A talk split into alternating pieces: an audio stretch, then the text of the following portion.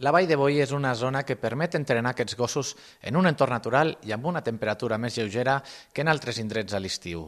Hi ha una trentena de bombers treballant amb gossos formats en dues modalitats de recerca, els que treballen en entorns rurals de difícil accés i els que van lligats i recorren escenaris urbans i mixtos seguint el rastre d'una persona. Sentim Mònica Díaz, de l'empresa organitzadora d'aquesta formació, DreamCan. Qualsevol gos serveix. El que és més important és l'aptitud i les ganes, aquesta motivació per fer alguna cosa amb el seu guia i per fer servir el seu nas, per trobar persones i per divertir-se junts, perquè això no deixa de ser un joc.